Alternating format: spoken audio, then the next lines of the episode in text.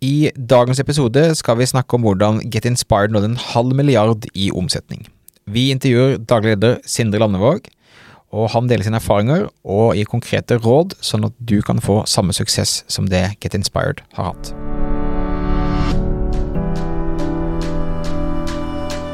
Velkommen til Netthandelspodden. I denne podkasten guider vi deg gjennom hvordan du kan drifte og skape vekst i din nettbutikk.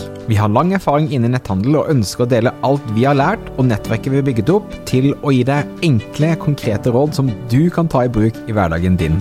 Hver episode har et ressursark knyttet til seg som du kan laste ned på netthandelspodden.no.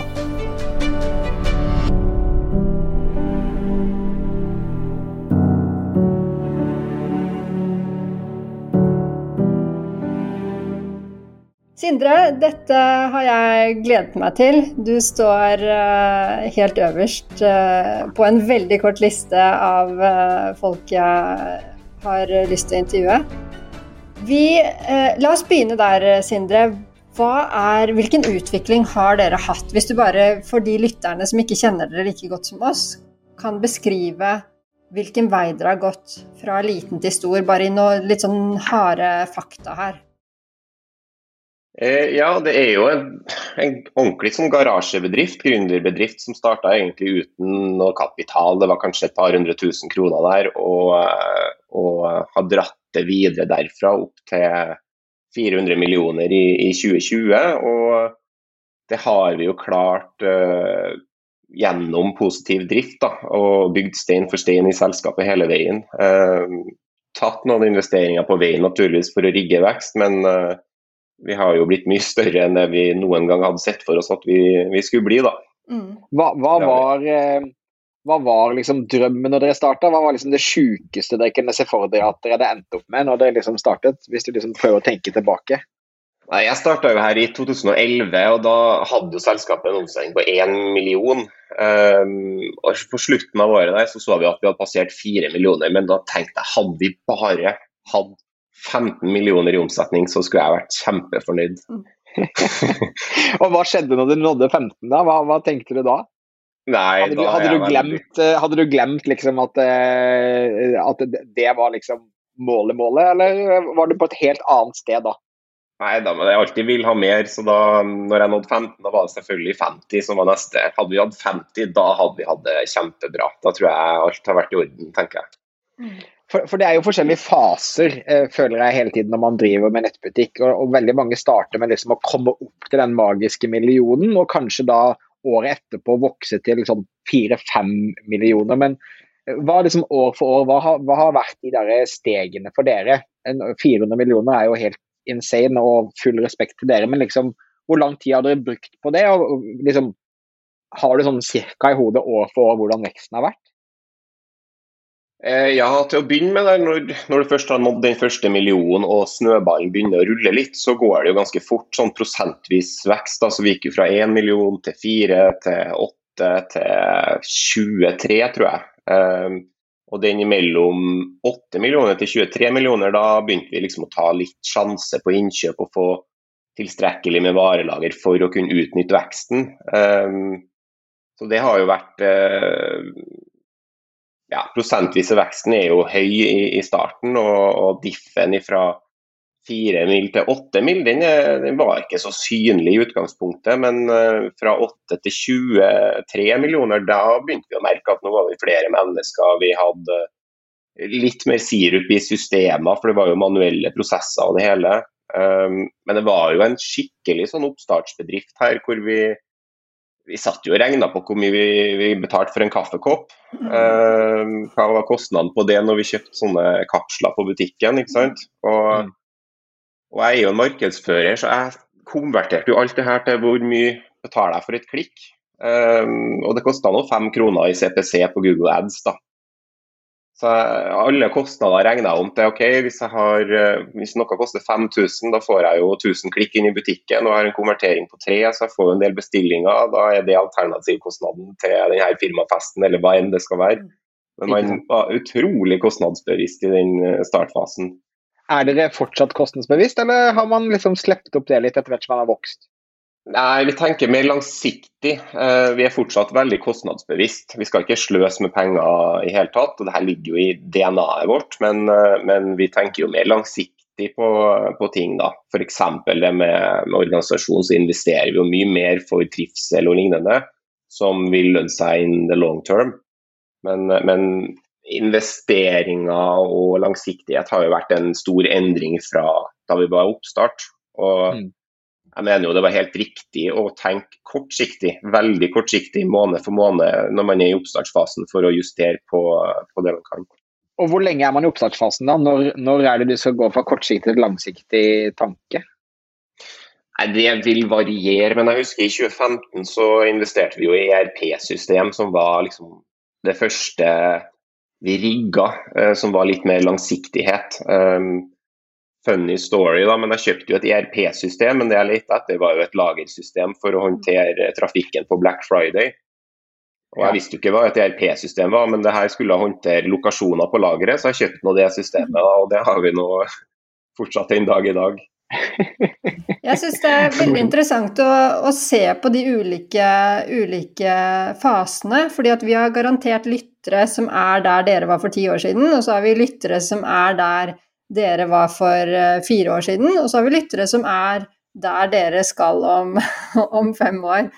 Eh, men akkurat det Hva er det som Hvis du kan gå litt mer inn på da dere gikk fra at alt var eh, At dere var få mennesker og dere ikke hadde systemer, og du nevnte at dere gjorde ting manuelt.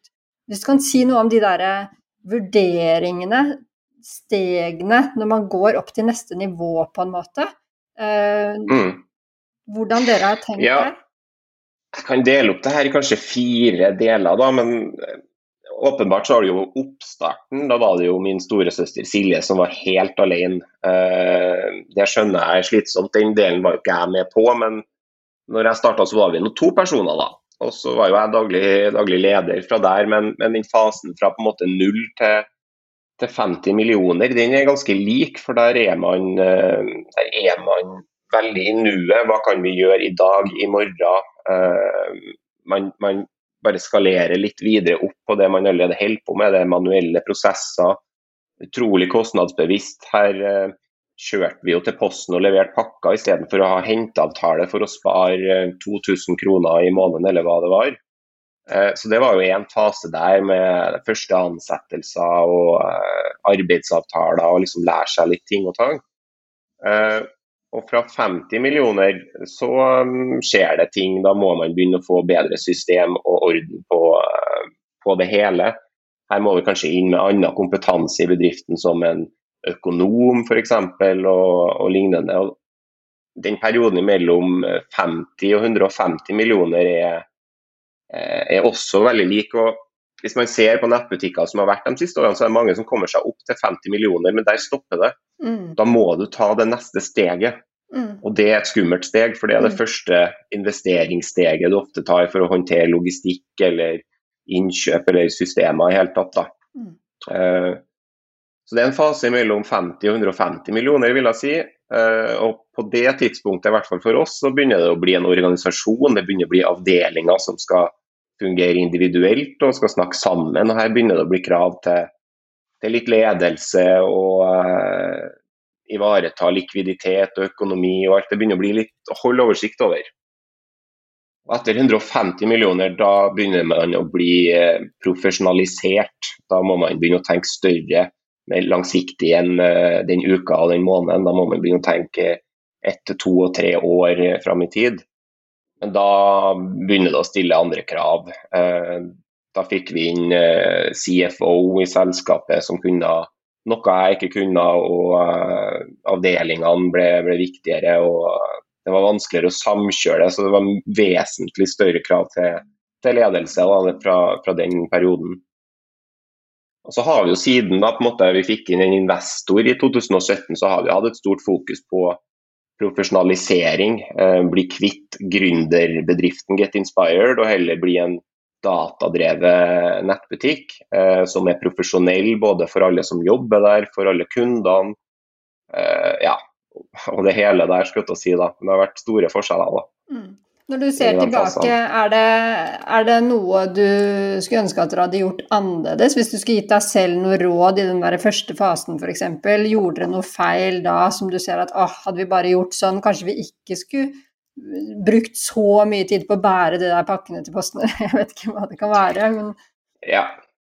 ja man undervurderer seg jo selv når man er liten da er man jo liten, og de andre er bedre fordi de er større. Det er jo noe vi alltid har tenkt. Vi har jo sett opp til, til store, sto, større aktører og tenkt at de kan jo det, der best, og de gjør det på den måten. Derfor må vi jo prøve å gjøre det på den måten. Men sett tilbake nå, så har jo nettbutikker revolusjonert eh, markedet i stor grad når det gjelder markedsføring og eh, ikke minst forventninger som kundene har til, til butikkene. Um, så hadde vi på en måte hatt større tro på oss selv, så tror jeg vi kunne vært større i dag enn det vi er. Og ikke minst turt og drømt større enn det vi gjorde. For eh, det ble nok for kortsiktig og vi kunne jo ha vokst vesentlig raskere. Altså Hadde vi visst at det var så billig med Facebook-markedsføring i 2012, mm. da, da, skulle vi ha kjørt på mye kraftigere enn det vi, det vi gjorde den gangen. Ja. Ikke, den, ikke, den, første som sier det, og det tror jeg er mange som, eh, som angrer på. Det er så lett å si i 2020, ikke sant? og ser man tilbake og bare å, oh, shit, tenk at vi, om vi hadde visst hvor sykt dyrt det har blitt etter hvert.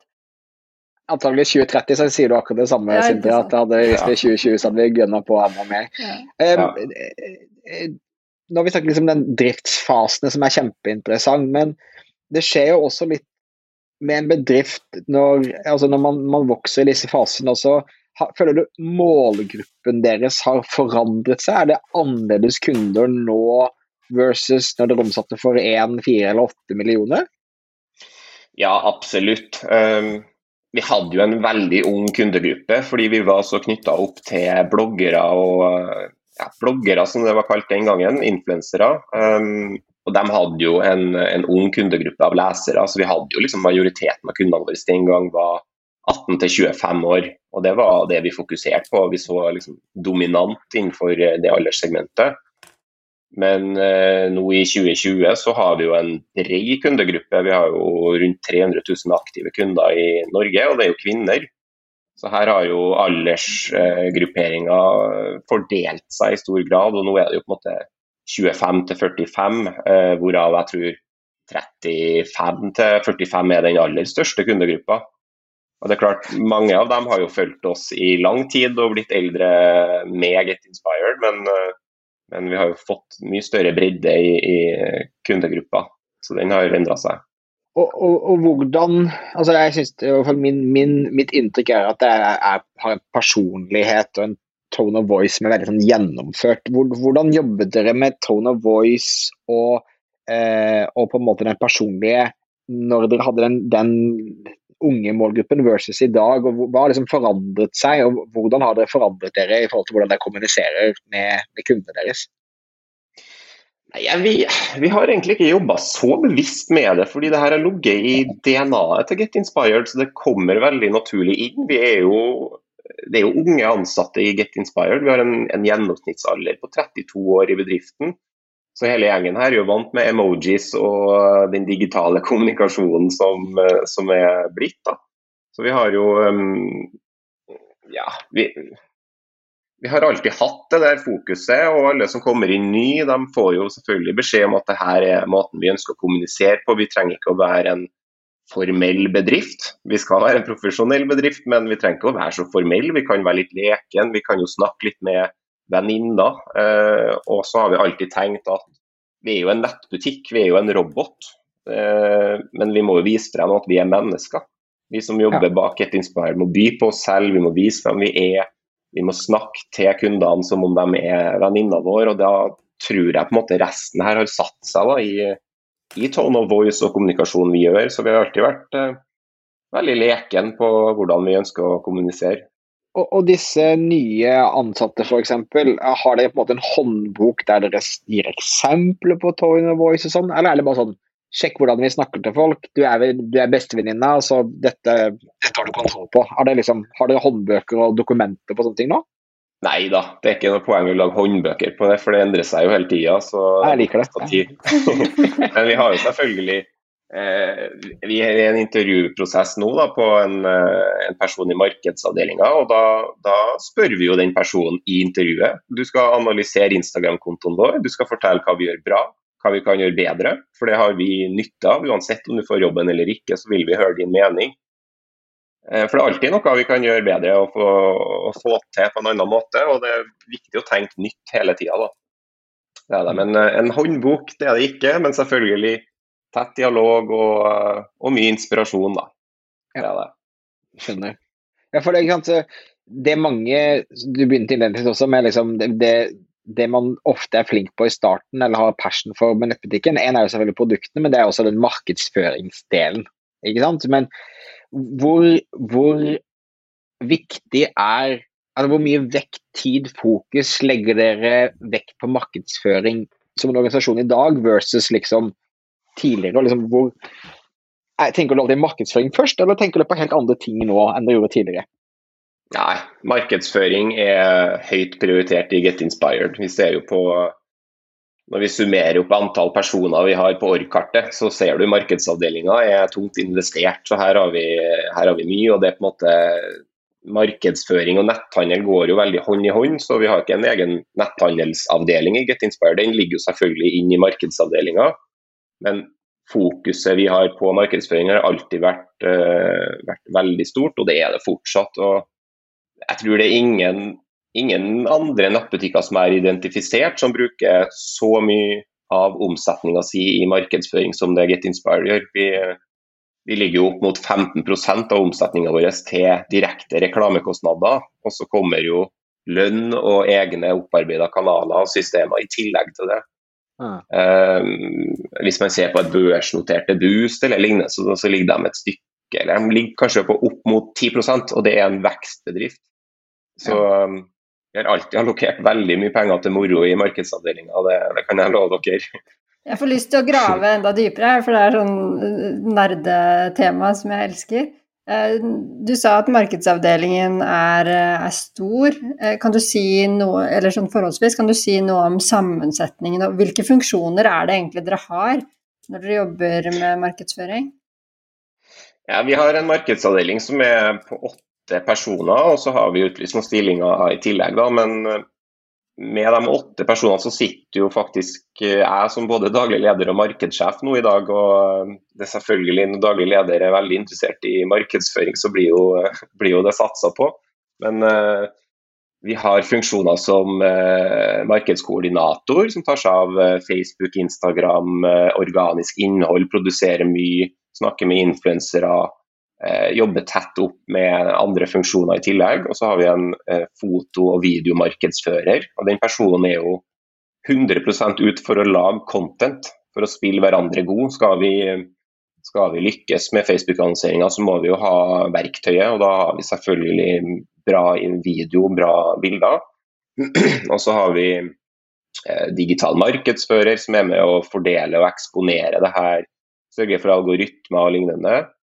Vi har en CRM-ekspert som, som, segmenterer, benytter seg av data, setter opp automasjoner, eh, sørger for custom audiences på Facebook og lignende. Uh, og så har vi jo nettbutikkansvarlig, vi har uh, Head of Product Management, som uh, beriker produkter, sørger for at vi har gode bilder i nettbutikken og, og hele det løpet der. Mm. Så um, det er klart vi har, vi har, jo ressurser, og i tillegg da en, en grafisk designer også som jobber med Eh, både nyhetsbrev og, og produsere dem, men også UX i nettbutikken. Så vi har der, og så har vi egen rolle i innkjøp som jobber opp mot marked. For vi har jo en kommunikasjon med leverandør. Dette må vi klare å videreformidle. Så det er god samkjøring da, eh, mellom avdelingene også om hva vi ønsker å oppnå. Og så er vi selvfølgelig en veldig målretta bedrift. Vi snakker jo om ukesmål, om dagsomsetning, om månedsomsetning. Hvorfor skal vi vokse mer i den måneden kontra den andre måneden? Eh, vi møtes hver mandag og har gjennomgang av hva vi lykkes med, hva vi ikke lykkes med, eh, hvordan vi ligger an. Skal vi klare eh, junimålet nå, så må vi ha en ekstra bra uke på slutten her, f.eks. Vi mm. jobber veldig agilt og, og raskt da. Er det sånn dere har jobbet hele veien? Hvis du tenker eh, fem år tilbake, da dere var et mindre team, jobbet dere på samme måten med disse ukesmøtene og sånn da? Ja, det gjorde vi. Før var, nå er det avdelingsmøter, eh, men tidligere var det jo Get Inspired-møter, så da var absolutt alle med i det samme møtet, men det har vi ikke plass til lenger nå, da. Mm. Men vi stykker det opp da, sånn at vi får eh, litt mer detaljert informasjon fra hver enkelt også. da. Mm. Det er også som vi ser som er viktig, og kanskje viktigste asseten en nettbutikk har, er jo nettsiden i seg selv. Og jeg syns at nettsiden deres egentlig hele veien har, har ligget ganske langt frampå, vært godt tilpasset til mobiltelefon og sånne ting. Men eh, kan du si litt om hvordan dere jobber med nettsiden deres i dag? Altså Hva konkret gjør dere for å sørge for at den leverer best eh, hele veien? Liksom? Hva, hva, hvordan tenker dere, hvordan jobber dere, og, og, og, liksom, hvordan, hvordan, er mindsettet deres rundt uh, selve nettsiden? Eh, nå bytta jo vi hele, hele tech-stacken nettopp for to-tre uker siden. og Det innebærer jo å bytte av eh, plattform. Eh, CMS og hele den delen der. Vi implementerte nytt CRM-system som heter Forvoyado. Og vi kom inn med et PIM-system for å ha kontroll på alle produktene. Eh, så vi bytta jo den. og eh, Da sa jeg jo her er det jo Get Inspired kåra til årets nettbutikk eh, i 2020, og vi bytter ut hele plattformen. Det tror ikke jeg det er veldig mange andre som gjør, men vi er jo frempå. Vi, vi så jo at vi her trenger en raskere, raskere utvikling i nettbutikken for å henge med. Eh, så vi er jo veldig på, veldig nysgjerrig, og jobber jo kontinuerlig med å hente inspirasjon fra hva andre gjør. Det er en veldig viktig, viktig del. Og så prøve å utvikle det på Get Inspired-måten. Hvordan kan vi tilpasse det her til vår kundegruppe. Men vi har alltid noen prosjekter av utvikling i nettbutikken. Den, eh, jeg tror det er mange som driver med netthandel som sier nå er vi fornøyd med nettbutikken, og så lar de den ligge. Eh, da stopper det opp. Du må alltid ha et eller annet spennende prosjekt, en ny modul eller en tredjepart som du skal prøve ut. For er, du lærer så mye hvis du feiler, og du vinner så mye hvis du lykkes med det. Så det er alltid tempo der på personalisering. Hvordan kan vi kommunisere? Har vi bedre UX vi kan gjøre? Kan vi sette i gang noen AB-tester og lignende? da? Så. Hvor mye AB-tester dere sånn, da? Altså, hva, hva, er det noe Tester dere produktsideoppsett, farger på knapper, størrelse på bilder og sånn, er, er, liksom, er, det noe det kontinuerlig jobber med? Nei, Vi har ikke vært så gode på AB-testing i nettbutikken. Vi gjør det veldig mye reklamemateriell, men eh, det er jo en ting jeg vet vi skal få til fremover med det nye systemet. De, eh, det er Episerver og de er jo slått seg sammen med Optimizely. sånn at Her skal det være gode muligheter for å kunne prøve ut og, og teste ut ting og optimalisere. Men, men, jeg er jo veldig glad når vi gjør AB-tester, er jo ikke ha to sånne veldig like varianter, men en annen farge på den knappen. Da vil jeg gjerne ha kjempeforskjell for å se hva som funker best, og så innsnevrer man seg deretter. da. Du nevnte i sted at dere er veldig drevet av mål og stadig jobber frem mot eh, nye mål. Og, og, du har jo fortalt at dere på et tidspunkt hadde et helt konkret mål om å vinne netthandelsprisen, altså bli beste nettbutikk i landet. Kan ikke du si litt, eh, si litt, om akkurat det målet, og hvordan dere da jobbet konkret for å bli beste nettbutikk i landet? For dere har jo vunnet den prisen ikke bare én gang, men to ganger, og har vel også vært nominert eh, flere ganger? Ja. Jeg vet Det starta jo egentlig med første gangen jeg var med på Load. Jeg lurer på om det var i 2012 eller 2013 og da tror jeg det var Stormberg som vant det året. Og Samme dag så var det jo han Erik Bertrand Larsen som holdt et motivasjonsforedrag på Tampen der. Klokka fem. Du begynner å bli litt trøtt av alt faglig innhold. Så det er den endelskonferansen til Bring, Load, ikke sant, for de som ikke kjenner til den. Ja. Mm. Og jeg var ganske gira, da, men når jeg så Stormberg vant den prisen, så tenkte jeg hvorfor skal ikke vi gå opp på den scenen og vinne den prisen? Hvorfor, hvorfor skal Hvorfor skal de kunne vinne og ikke Get Inspired? Så Det var det første som slo meg der og da. var Her går jo an å få til. Og så eh, måtte jeg jo begynne å, å, fortelle Get Inspired vi er skikkelig flinke, vi undervurderer oss sjøl. vi kan få til det her hvis vi vil. Eh, og de ble jo egentlig ganske med på det. og, og så at det her, eh, Hvis vi jobber målretta og bevisst, så er det jo mulig å lykkes. Så vi satte jo opp en konkret handlingsplan. Eh, du har ansvaret for å fikse det her. Cookies må vi skrive på en elegant måte, for det er noe juryen kommer til å sjekke ut. Kundereisen må selvfølgelig være på plass. Så Vi jobba jo veldig bevisst med hva er det juryen kommer til å lete etter og se etter, og hva er det kunden setter pris på. Så vi, vi gikk inn der og laga opp lister og en handlingsplan for når og hvordan. Eh, og Det var egentlig på den måten vi, vi gjorde det, men da, da, fikk man jo overbevist alle i Get Inspired om at det kan vi få til. Mm. Eh, Veldig kult. Så du noen så Én ting var at jeg da faktisk endte opp med å vinne prisen, men jeg, må, jeg kan jo se for meg at mange av de tingene dere valgte å fokusere på, også hadde en uh, positiv effekt på bunnlinja?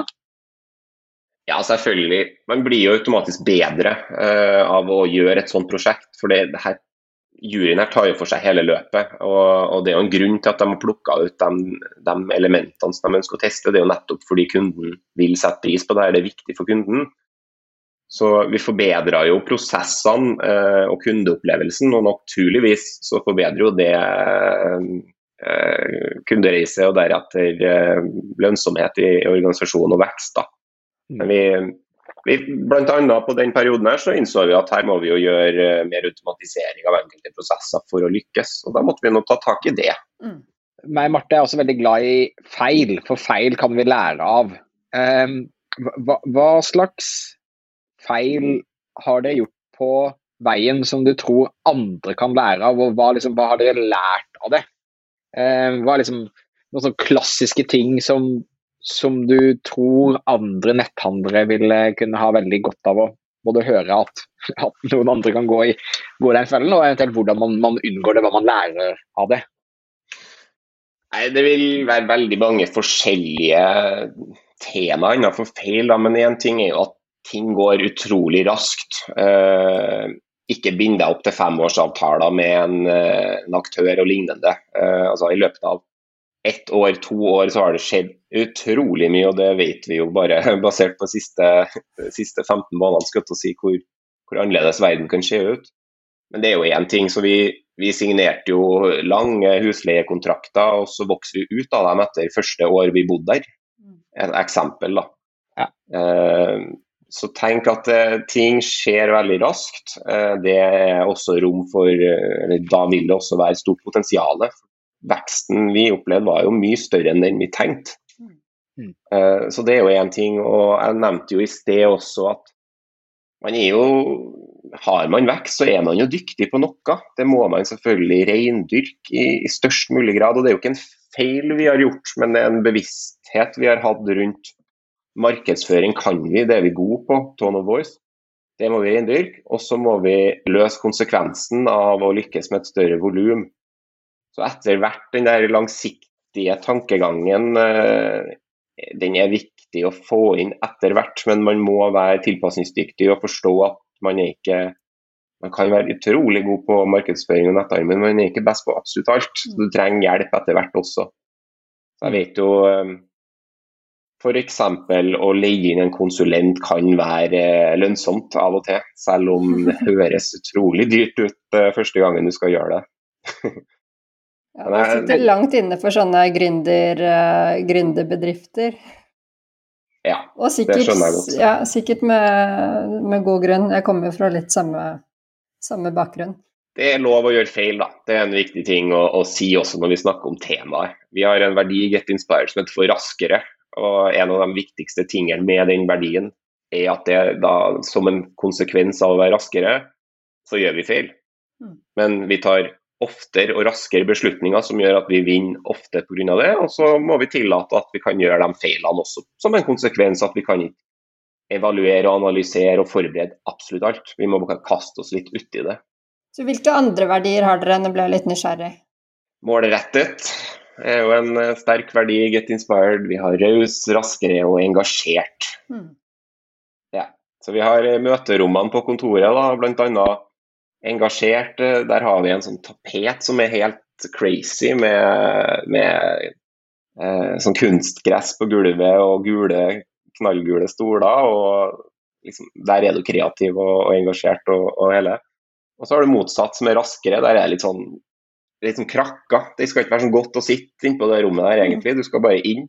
Det er en svær klokke på veggen, og du har det travelt. Get shit done innpå det rommet der, og ta beslutningen og move on. Veldig kult. Um, hva med fremover nå, da? Altså, dere er jo på et, uh, på et det har kommet dere ganske langt uh, på ganske kort tid, men hva er liksom ambisjonene og planene deres framover? Liksom, du har snakket om stegene bakover nå, men liksom, hva er stegene du ser for deg nå i, i de neste årene? Eh, nå har vi akkurat bytta hele tech-stacken, og vi jobber veldig mye med fase to og videreutvikling av nettbutikken. Og selvfølgelig prøve ut veldig mye nytt så vi kan lære der. Det er jo veldig sånn kortsiktig, det er seks måneder fram i tid. Eh, men vi har jo bra momentum. Vi har stor kundetilvekst i Get Inspired og eh, må jo også automatisere flere systemer der. men Selvfølgelig å utvide produktsortimentet til flere produktkategorier vil være en av dem. Og, og ikke minst fokusere på både høyere ordreverdi fra, fra, kundene, men også økt kjøpsfrekvens er noe vi ønsker å lykkes med. og det, det er jo på en måte det same same som vi gjør i dag, men videre optimalisering. Mm. Vi har jo en stor kundegruppe som er gift eller har samboere. Ehm, det er jo spennende med herretøy også. Når vi først måte, har begrensa oss til Norge, så må vi finne muligheter for å øke potensialet. Så um, du skal ikke se bort ifra at vi begynner å selge noe herretøy til, til jul. Som ja. gjør at eksisterende kundegruppe kan handle, handle klær og, til sine venner og familie. Og Så får vi se om det går an å skalere noe videre derfra, f.eks. Ja, du sa to, eh, to, spennende ting her. Det ene var at dere begrenser dere til Norge, så det er et sånn strategisk eh, valg. Nå nikker Thomas veldig, så kanskje det samme han ville spørre, spørre yes. om. Vil du, vil du, si to ord om det, om det Sindre? Vi, vi, er jo i Norge og vi kjenner landet her bedre enn våre utenlandske konkurrenter. så Det ser vi som en fordel både med tanke på leveringstid og kunnskap om markedet. Det er jo den ene. så at vi er i Norge er en fordel overfor internasjonal konkurranse. Eh, og så er det jo en ulempe hvis vi går inn i Sverige, da, for da er jo vi underdoggen. Men da er det veldig mye tollkostnader og lignende vi, eh, som er utfordrende. Da. Så hvis man skal gå over grensa der, da, jeg undersøkte dette nylig og da fant jeg ut at Russland var det beste alternativet. Og så var det Nord-Amerika som var med tanke på fortolkning. Da. Og da fant jeg ut at DHL de leverer jo til USA i løpet av to, eh, to arbeidsdager. og Der har du mange stater som, som, har sesonger som vi har her i Norge, da, med vinter og lignende. og Det er jo et enormt marked. Men det er litt større prosjekt, og akkurat nå så føler vi jo at vi har såpass mye utvikling og momentum i Norge at her er det fortsatt et stort potensial til å bli bedre og, og fortsatt veksten. da. Det, jeg syns det er fint å høre, for det er jo ikke sånn at dere har et uh, closed mindset. At dere tenker dette er det vi gjør, vi er i denne lille boksen. Men du har faktisk sjekket hva er mulighetene for å vokse på den måten og den måten og den måten, og så har dere tatt et valg på hvordan dere velger, uh, velger å vokse. Ja. Vi vurderer utenlandssatsing hvert år, da. Så gjør vi en runde. Mm. Er timingen riktig nå? Er det noen endringer i i toll og lignende, eller er det noen andre muligheter. Så vi, vi gjør en vurdering hvert år på ulike vekst, uh, mm. vekstmuligheter som vi har. da. Mm. Men så Nå vil dere satse på å selge til herre også, det er veldig, veldig spennende. Men dere har gjort en lignende satsing uh, tidligere, da, da, dere tenkte at disse damene, de har jo barn. Og så begynte dere å selge barneklær, men etter en stund så, så valgte dere å, å droppe det igjen. Vil du si to ord mm. om det? Ja, vi starta Sporty Kids eh, jeg lurer på om det var i 2014, men det var jo i oppstartsfasen fortsatt av Get Inspired. Vi var jo i den uh, under 50 millioner omsetning og rakettfart uh, der. Så vi hadde jo ikke tid til å holde på med en liten eller mindre nettbutikk og legge på den i tillegg. For det er Driver du en nettbutikk, så er det mye arbeid. Eh, om det er 1 million i omsetning eller 15, så er det det samme. Mm du må likevel gjøre den jobben. og Der så vi jo at eh, det her har ikke vi tid til. Vi har ikke ansatt nok folk for å drifte den. Så, så vi lærte utrolig mye av den. Og så er jeg ganske stolt over at vi turte å kaste inn håndkleet såpass tidlig på den satsinga at vi så Nei, vet du hva. vi, vi, vi, gjorde en feil her. Vi lykkes ikke med det her. Vi er nødt til å gå tilbake og fokusere, og det er jo noe vi alltid har vært dyktige på i, i Get Inspired. Det er det fokuset. Um, men sammenligna med nå, så har vi flere personer, vi har flere avdelinger. Vi har en helt annen setup, en rigg, erfaring. Uh, det hele da, til å kunne ta tak i det. Mm. Og så er jo ikke minst det her en forlengelse av Get Inspired. Det er jo ikke en ny nettbutikk. Eh, vi skal fortsatt rette oss mot samme kundegruppe til å begynne med. For vi tror det er veldig interessant for våre kunder å handle julegaver og lignende til, til, til herrer. da. Mm. Så får vi se hvor eh, det der går hen eh, videre, da. Men vi skal selvfølgelig verne om Get Inspired og det vi har der mot vår kundegruppe. Jeg tror ikke dere skal se Sindre Landvåg som modell på Instagram-kontoen til Get Inspired med det første. Det, det blir det nok ikke Jeg kjenner jeg ble litt skuffa, men det er greit. Du skal bare få overleve det. Eh, helt på tampen her, Sindre. Eh, eh, det er mange netthandlere og sikkert også folk som drømmer om å oppnå det dere har oppnådd. Har du noen, noen, noen råd eller liksom noen pep-talk til de som du skulle ønske du hørte eh, tidlig fra, fra, andre du liksom så opp til? Hva, hva, hva, vil du si til de som som ligger på en million eller halvannen million omsetning, og som kanskje syns at det er eh, litt vanskelig og det er litt tungt. Hva, hva, tenker du de trenger å høre? Eh, man må jo få gjennomført ting. Man må fjerne det der hinderet med at man nøler og er engstelig. Der tror jeg det ligger utrolig mange gode ideer å hvile, men man tar ikke steget fullt ut. Jeg tror også det er mange nettbutikker som er oppretta som en eh, en artig, artig, idé, men man er ikke sikker på om man tør å gå all in og realisere den. Men man starter opp en nettbutikk som en, et deltidsprosjekt. Da vil man jo heller ikke få det til fullt ut. Um, så tør å satse. og noe jeg har vært veldig flink på da, opp gjennom årene, det er jo å ringe og ta kontakt med fremmede mennesker.